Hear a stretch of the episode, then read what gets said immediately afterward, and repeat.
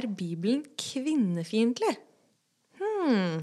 Det er spørsmålet som vi skal se nærmere på i denne episoden av Bibelspørsmål.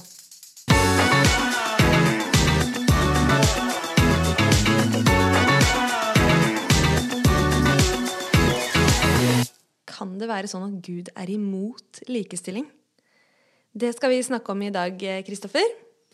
Ja, det skal vi. Og det er kanskje overraskende for noen, men dette er jo en veldig dagsaktuell tematikk. I hvert fall nå når vi spiller det inn, for det er jo en debatt som går i Vårt Land og i Dagen og disse avisene.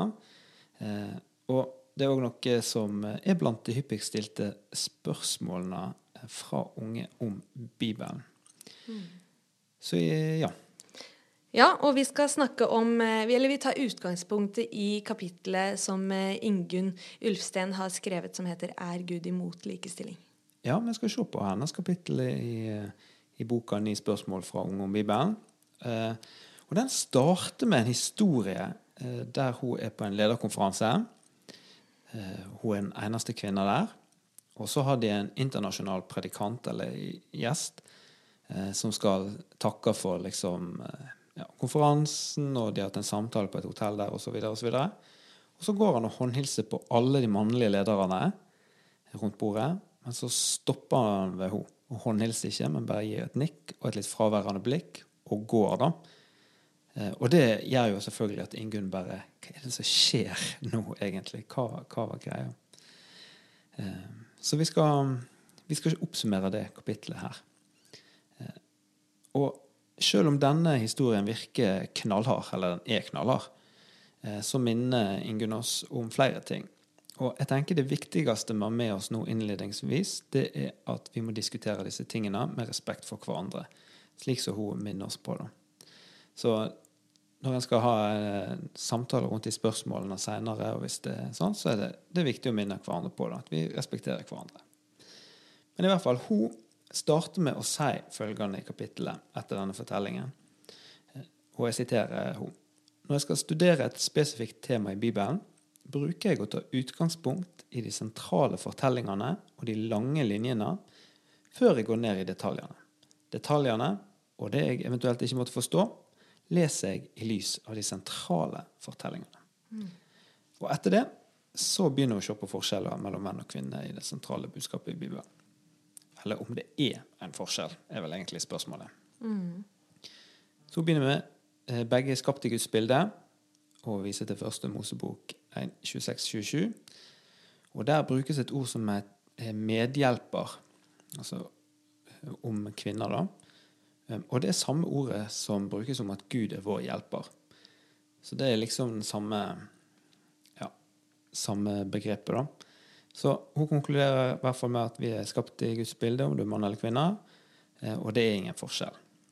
Så går hun til frelsen, og da bruker hun eh, kanskje verdens mest kjente bibelvers, Johannes 3, 16. For så, Jeg kan det bare på nynorsk, for det er sånn jeg lærte det da jeg var liten. For så høyt har Gud elska verden, at han gav sønnen sin den enbårne, så at hver den som tror på han, ikke skal gå fortapt, men har evig liv. Nynorsk poeng. eh, ja. Men hvis det er det mest kjente bibelverset, så syns jeg du må kunne det på bokmål. Jeg får lære meg det. på Østlandsk. Østlandsk, ja. I hvert fall. Der, eh, da spør hun er både kvinner og menn en del av verden. Ja, det er vi. Så her er det heller ingen forskjell på frelsen. Den er for alle. Den er lik for alle. Og Så er det gavene, og da bruker hun Efeserbrevet og første Korinterbrev. Eh, og sier òg her at verken kjønn eller sosial status har noe å si for hvem som mottar gavene fra Gud. Altså det er ingen forskjell. Så i det helt sentrale så er det i hvert fall ingen forskjell, konkluderer hun med. Og så, før hun vil inn til disse vanskelige versene som vi skal snakke litt om etterpå, eh, så vil hun bare løfte fram eh, kvinner i Bibelen. Og det er en del ledere faktisk i, Bibelen som er kvinner. Eh, Deborah, eller Deborah, mm -hmm. Hun var øverste leder i Israel. Hun var en dommer og hærfører. Så hun var den fremste for dette folket helt i starten, før de fikk konger. da. Så det er en kvinneleder i Bibelen. Du har Ester, som var dronning som redda det jødiske folk når de var i eksil. Så fikk hun nyss på at det var en liten luring da, hos denne kongen Serkses, han heter. Som var den eh, ja, La oss kalle den statsministeren eh, her, da. Som heter Haman. Han ville drepe alle jøder. Og det får Ester nyss i. Og så eh, går hun inn til kongen og setter egentlig livet sitt i, fare, for hun kunne ikke gå inn der uinvitert, men hun gjør det. Og så eh, gjennom det så redder hun folket sitt, da. Så hun òg er en veldig viktig leder i Det gamle testamentet. Så har du Maria Magdalena, som eh, ja, var med til Jerusalem når eh, Jesus eh, døde. Hun er det første vitnet. Så, så, hun var en viktig skikkelse. Da. Og poenget med å nevne alle disse er å si at i sum så har kvinner hatt en sentral rolle gjennom hele Bibelen på forskjellige måter. Da. Men så er det disse vanskelige versene, av Josefine, mm -hmm. som vi skal uh, se litt på. Og kort fortalt så presenterer Ingunn to typer tolkningsmodeller. Eller det betyr jo egentlig bare to typer syn, da hvordan en forstår eh, disse, ja, disse versene og litt andre ting. Og Det første det er underordningssynet, og det andre er likestillingssynet. Og begge finner vi i bibeltro-miljøet, eller de som vil kalle seg bibelkonservative. eller, eller sånn da. Eh, og underordningssynet de vektlegger nok eh, ja, Paulus ord i 1. Timoteus, f.eks. Du har i Titus, og du har i 1. Korinterbrev 14. 34 og 35, om at kvinner skal tie i menigheten og ikke undervise, for eksempel, og at mannen skal være overhodet osv. Så, videre. så den henviser til en del sånne vers når vi snakker om dette. Mens i likestillingssynet så argumenterer en for at tekstene de må forstås i sin sammenheng, altså i, i, den, i den, situasjonen vi er i, da, og ikke som et generelt forbud. Eh, og de eh, henviser gjerne til Paulus sin oppmuntring til kvinner, og at han brukte kvinnelige ledere, som f.eks. Priska eller Priskilla, sammen med mannen Akvilas som misjonær. Og du kan òg lese egentlig i Romerbrevet, siste kapittelet der, så er det en sånn oppramsing av folk skal helse til. Og der er det en del kvinner òg, da. Eh, så han viser til litt sånne, da. Og så avslutter Ingunn på en ganske fin måte, syns jeg, for hun presenterer disse. Jeg syns hun er veldig respektfull. Og så avslører hun med følgende sitat. Jeg håper at dette kapittelet kan være med og gi trygghet på at både menn og kvinner kan fungere i det Gud kaller dem til. Jeg håper òg at vi kan akseptere at det finnes ulike syn i disse spørsmålene. Og det, Josefine, det var oppsummeringen av dette kapittelet. Og som vanlig så har vi selvfølgelig noen spørsmål eh, som vi eh, må se litt på. Og det første spørsmålet det går jo til deg, og det er hva tenker du om den fortellingen som kommer helt i starten av kapittelet? Altså, jeg syns det er eh, nesten litt barnslig. Eller sånn um, Uavhengig av hva slags bibelsyn man har, så tenker jeg at den fortellingen der, det vitner om respektløs oppførsel mot damer. Mm. Altså det er eh, Ja. Uansett hva slags eh, rolle han mener at eh, en dame skal ha i kirka, så, så hvorfor ikke håndhilse på alle? Jeg syns det bare er rart, rett og slett. Det er jeg helt enig i. Og så veit vi jo ikke ja, Vi vet jo ikke hvor ofte dette skjer, men det, jo, det fins jo en del sånne historier, da. Så det er jo et problem som som vi bør ta tak i. Hun kan ikke holde på sånn som det der. Nei, sånn kan vi ikke holde på. det må vi slå ned på. Ja. ja. Men så har vi jo snakka litt om, eller du nevnte litt om det at eh, Bibelen, den er, eh, den er, eh, stor. Og eh, den store fortellingen, den kan eh, kanskje åpenbare Hjelpe oss å forstå de mindre detaljene. Hva, mm. hva tenker du om, eh, om det? Altså spørsmålet, Vi tar utgangspunkt i de spørsmålene bakerst, og da står det hvordan kan de lange linjene i Bibelen fortelle oss hvordan, eh, hvordan vi kan forstå detaljene? Mm. Og jeg tror jo dette er en eh, tanke som vi kjenner igjen fra eh, mange forskjellige plasser, egentlig, men ikke minst i Bibelen. Altså summen av ditt ord er sannhet. Uh, så jeg tenker det er en, en god tanke. Altså, jeg tror i hvert fall at de lange linjene de hjelper oss ofte å forstå sammenhengene. da og ikke minst sammenhengene til enkelthendelser og til vers. Eh, for av og til så kan vi jo lese vers litt ut av kontekst, og så kan, jo, virke, kan vi jo misforstå de da. Mm. Eh, mens hvis vi, hvis vi, leser de i de lange linjene, så, eh, så ser vi kanskje mer hvordan det henger sammen. da.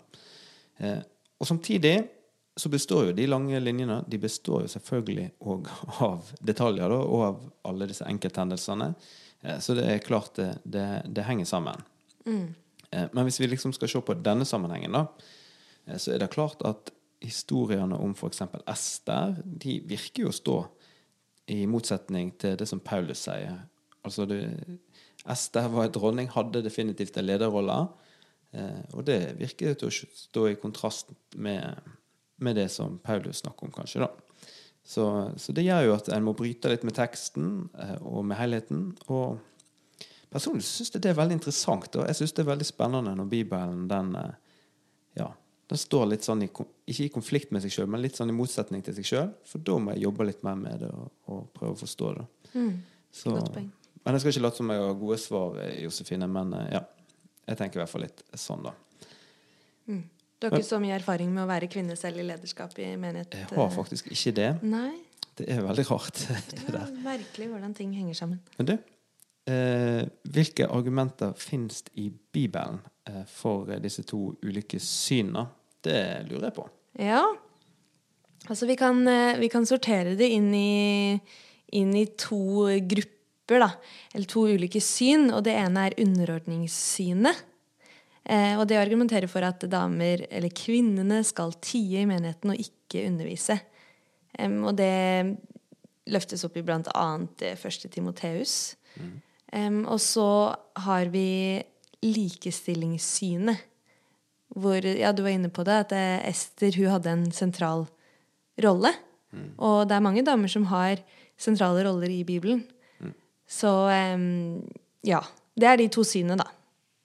Det er helt riktig. Mm. Og så er det jo selvfølgelig eh, helt spektersikkert av eh, hvordan det ser ut i praksis og i teori. Men det er i hvert fall de hovedsynene. Mm. Hva syns du om de, de versa? Eh, første Timoteus 2 er det, er snakker litt om, eh, om, kvinner i menigheten. Og også kapittel 1 snakkes det om. Og Korinterbrev første Nei, ja, første Korinterbrev, eh, kapittel 14. Stemmer. Her er Altså, dette er jo vers som handler om eh, forordning i gudstjeneste, egentlig. Eh, og jeg eh, må innrømme at jeg var litt sånn usikker på ja, skal, skal jeg prate om dette her. Det er litt sånn som du sier, da jeg er ikke kvinne og har ikke på en måte er kjent på, eh, på hvordan eh, det er å møte disse motsetningene. Men eh, jeg er ingen ekspert, men vi får eh, prøve å se litt på det, da. Eh, så litt sånn der om Timoteus' situasjon. Altså Han var jo en ung leder.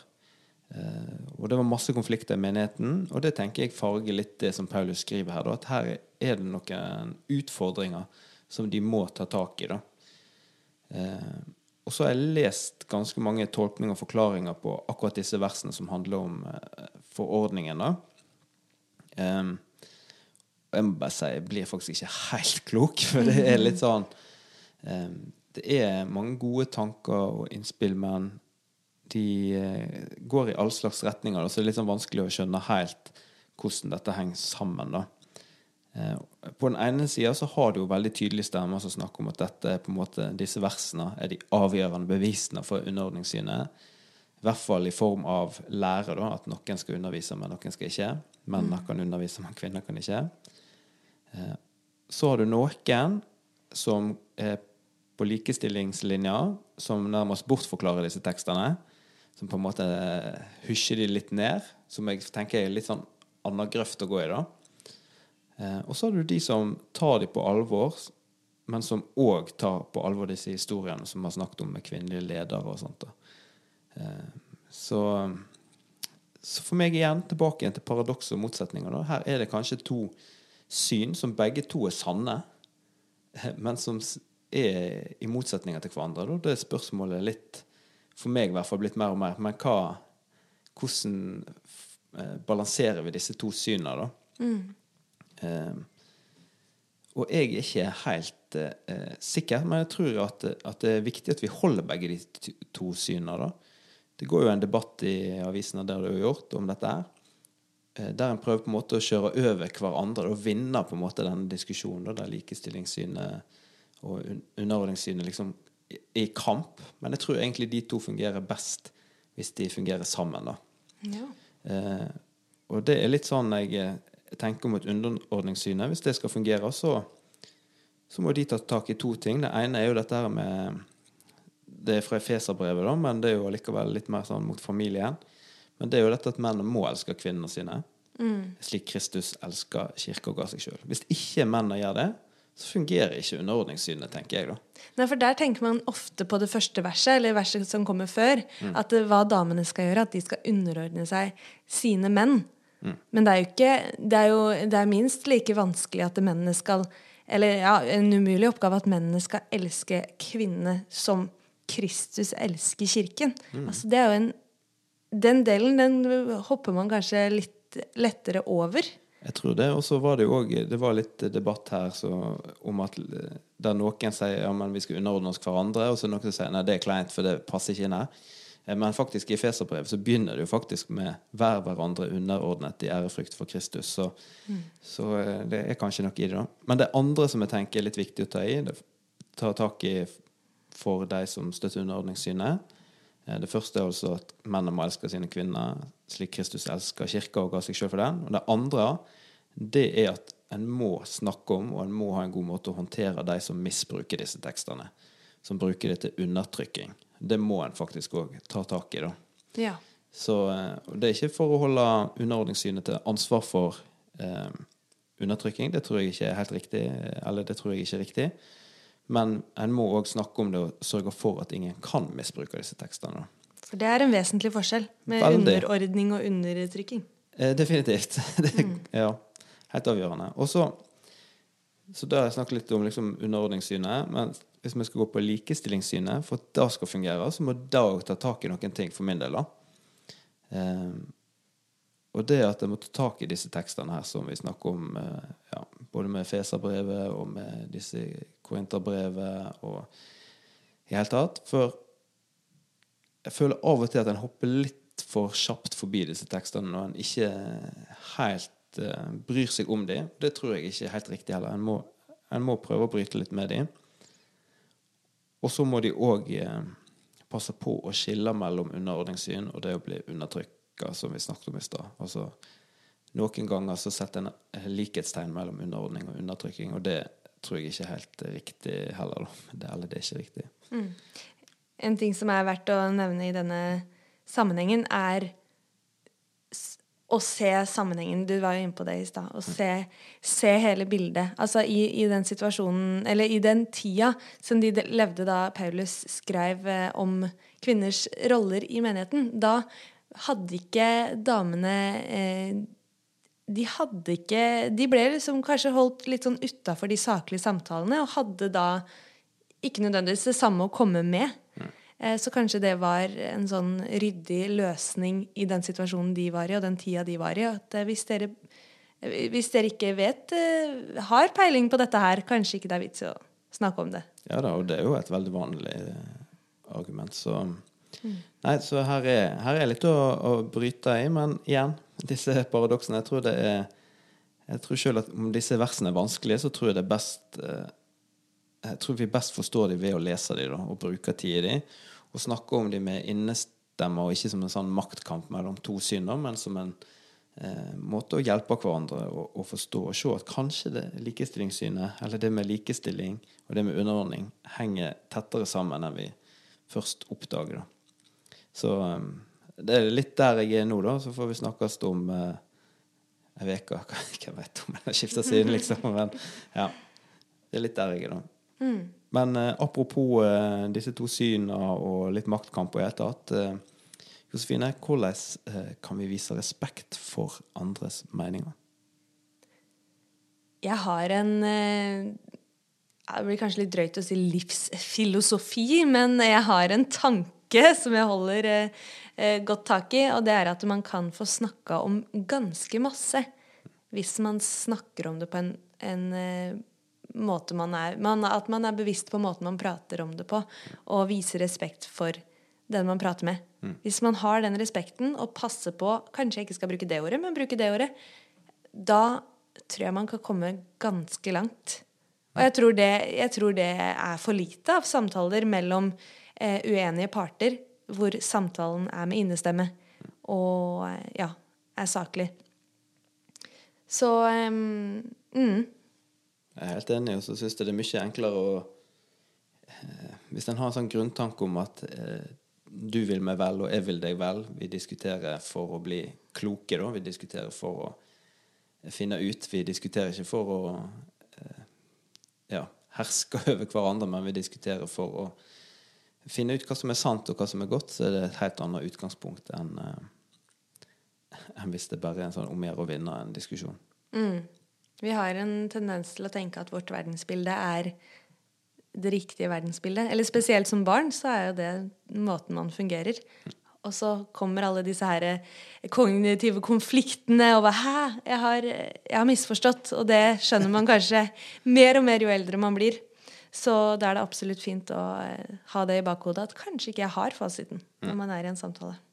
Og så er ikke vi, eh, vi er ikke ferdig utlært heller, så vi får prate oss videre om det en annen gang, kanskje. Ja, men vi kan jo oppsummere det vi har snakka om, da. Prøvd å komme fram til her i denne samtalen. Det er at det er ikke, det er ikke noe forskjell i det sentrale mellom damer og menn. Kvinner og menn. Og det er, eh, det er noen vanskelige vers som vi må snakke om, samtale om. Og så må vi huske å respektere hverandre når vi diskuterer disse temaene. Mm. Veldig godt oppsummert, Josefine. Takk for det. Og hvis du har lyst til å lese eh, mer om det, så få tak i denne her eh, Ni spørsmål fra unge om Bibelen. Kjempebok. Kjempebok. Hvis jeg skal si det sjøl. ja. Det var det vi hadde for i dag. Så håper jeg at eh, hvis du ikke har hørt på de forrige, så gjør du det. Og så kommer det en ny episode om to uker. To uker, helt riktig. Yes, to uker. ha det! Du lytter til en podkast produsert av Den norske Israelsmisjonen.